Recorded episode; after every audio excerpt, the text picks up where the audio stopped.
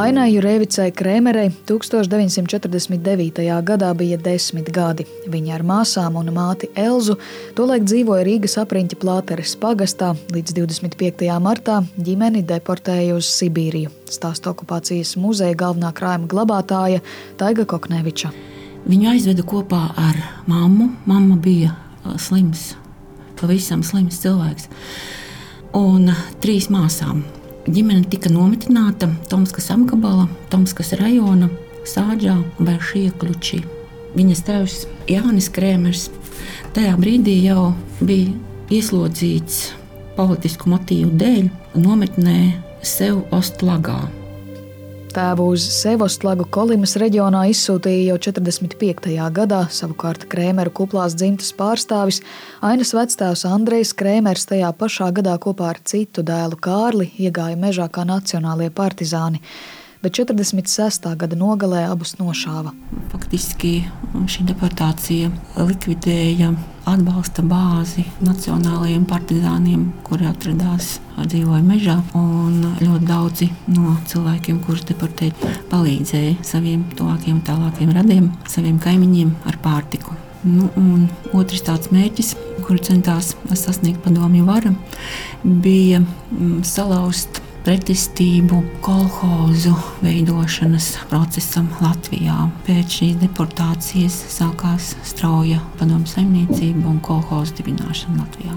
Okupācijas muzejam nodotajās atmiņās Aina raksta, ka pēc tēva izsūtīšanas māte Elza ar bērniem bija palikusi viena un četrus gadus vadīja lieliem nodokļiem aplikto saimniecību ar govīm, aitām, sivēniem, zirgu un meža platībām.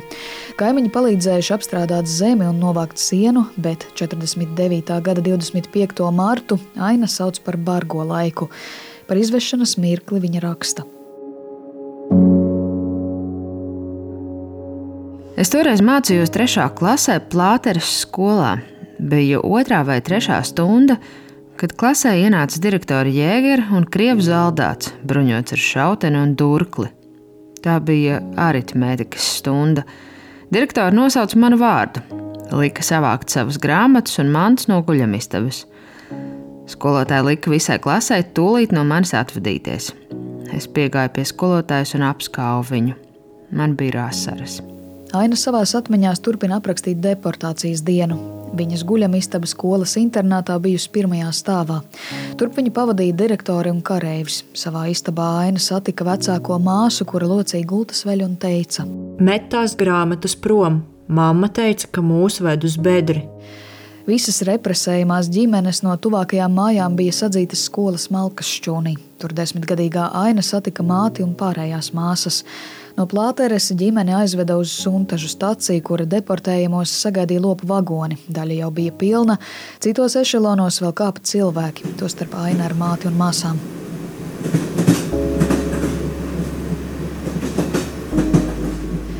Par ceļu no Latvijas uz padomu Krievijas apgabaliem Sibīrijā Aina atceras, ka pirms Siguldas lopu vagoni apstājušies, lai izlaistu ieslodzītos nokārtoties mežā sargu pavadībā. Pārtraukums gan bijis īss, jo kādam zēnam aizbēgot, pēkšņi skanēja trauksme, šāvieni un visi dzīti atkal vagonos. Vairāk nekad nepieturēju laukos, tikai stācijās. Citreiz caurām dienām ešaloni stāvēja sastrēgumos blakus sliedēs bet garām kursēja citi vilcieni. Braucām pa naktīm, cauri mēnesi, pa dienu stāvējām, lai neko neredzam. Katru dienas vidu uz vagonu deva spaini vai divus ar suslu, kurā peldēja pliks kauls. Pavisam maziem deva glāzi piena vai dažas karotes kondensētā piena. Maizi deva maisā. Kādam bija tāds gultas maisis priekš salmiem un siena, tad tai maisā uz vagonu deva maizi. Kāds vecākais kukuļus sagrieza, palika drupačas. Atceros, kā arī es līdu pie tā maisa un grābu sāļās krievu maizes drupačas. Daudziem nebija līdzi savas maizes, jo maizes cepšanas diena bija domāta sestdiena.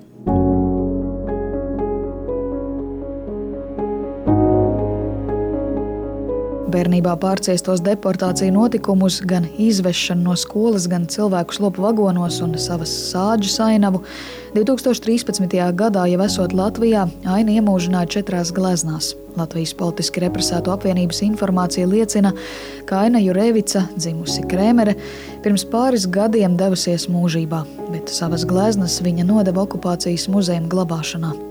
Pirmais, kas man nāk prātā, ir par to mākslas maigo varu. Mēs to maigo varu tagad lietojam visādās tādās nejaukās nozīmēs, bet šī nu tiešām ir reāli tāds spēks mākslai izveidot to ceļu savienojumu starp dažādiem laikiem un telpām.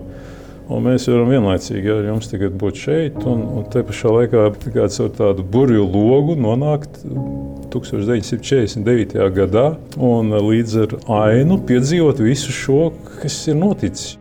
Uz gleznām paraudzīsimies kopā ar mākslinieku Vilni Heinrichsonu, kurš savukārt aizvadītā gada laikā mākslas valodā spilgti reaģēja uz Ukrainā notiekošo.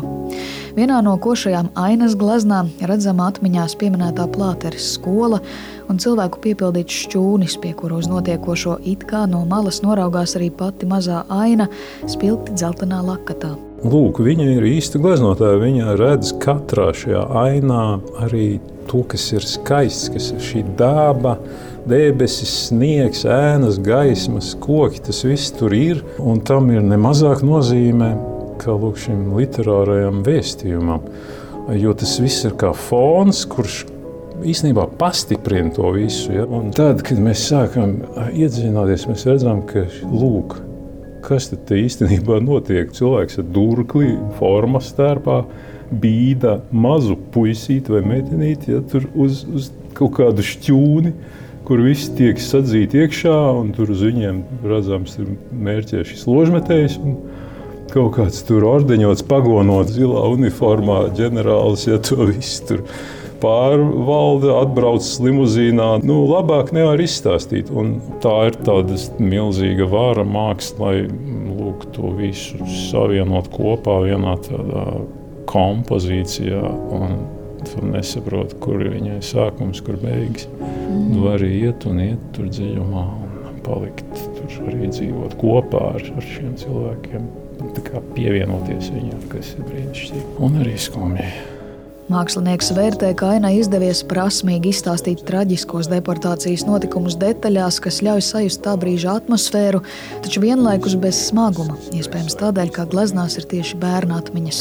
Tas nav nomācoši, jo mēs redzam šo cilvēka gara spēku, kas to visu ir pārvarējis. Ja, tad cauri gadu desmitiem iznests un 70 pāri gadu vecumā viņa spēja to uzdāvināt mums šo ainu. Es esmu ļoti viņai pateicīgs. Un, un es esmu laimīgs, ka muzejam ir šādi darbi. Es tikai gribētu ieteikt viņiem, viņus steidzam kaut kur izlikt visi, lai to redzētu, kas vien vēlās, jo tas ir ļoti spēcīgs. Es teiktu, pat ierocis.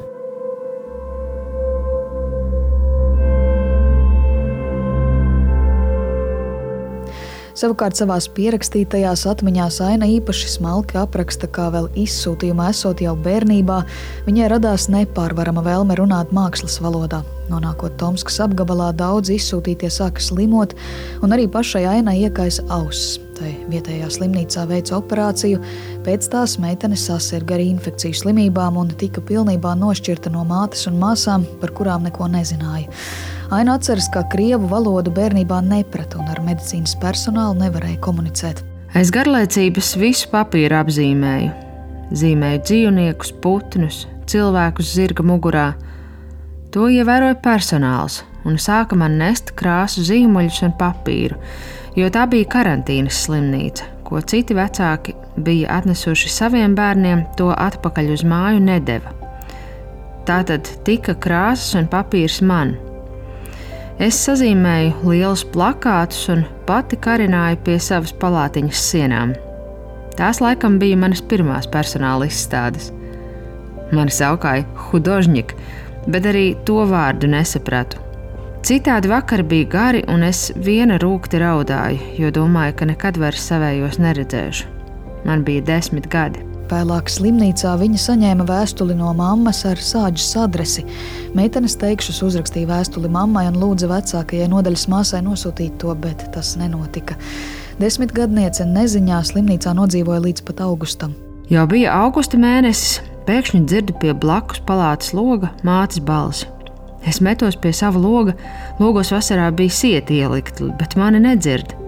Tad es skrēju no palātas ārā blakus palātā. Es ieraudzīju mammu. Skaidroju, lai viņi ietu pie blakus loga, bet mani rāvais plec ārā no šīs palātas, jo man bija speciālā karantīna, tuberkuloze, šarlaks. Bet man jau mēnesi atpakaļ tika veikts rentgens un viss kārtībā. Šarlaks arī izārstēts. Māma pienāca pie nodaļas durvīm, bet viņai lika nākt nākošā dienā no rīta. Otrā dienā mani atkal pārbaudīja ar rentgenu un tad izrakstīja. Mēs ar māti devāmies 40 km ceļā no Tomskas līdz Sāģai ar kājām. Atmiņu pierakstu noslēgumā Aina atceras, ka ceļš līdz sāģai bija putekļains, akmeņains un karsējis saule. Tas licies bezgalīgs. Abas ar māti tikai pēc pusnakts tikušas līdz nometinājuma vietai, kur nelielā mājā ģimene dzīvoja ar vēl divām citām ģimenēm.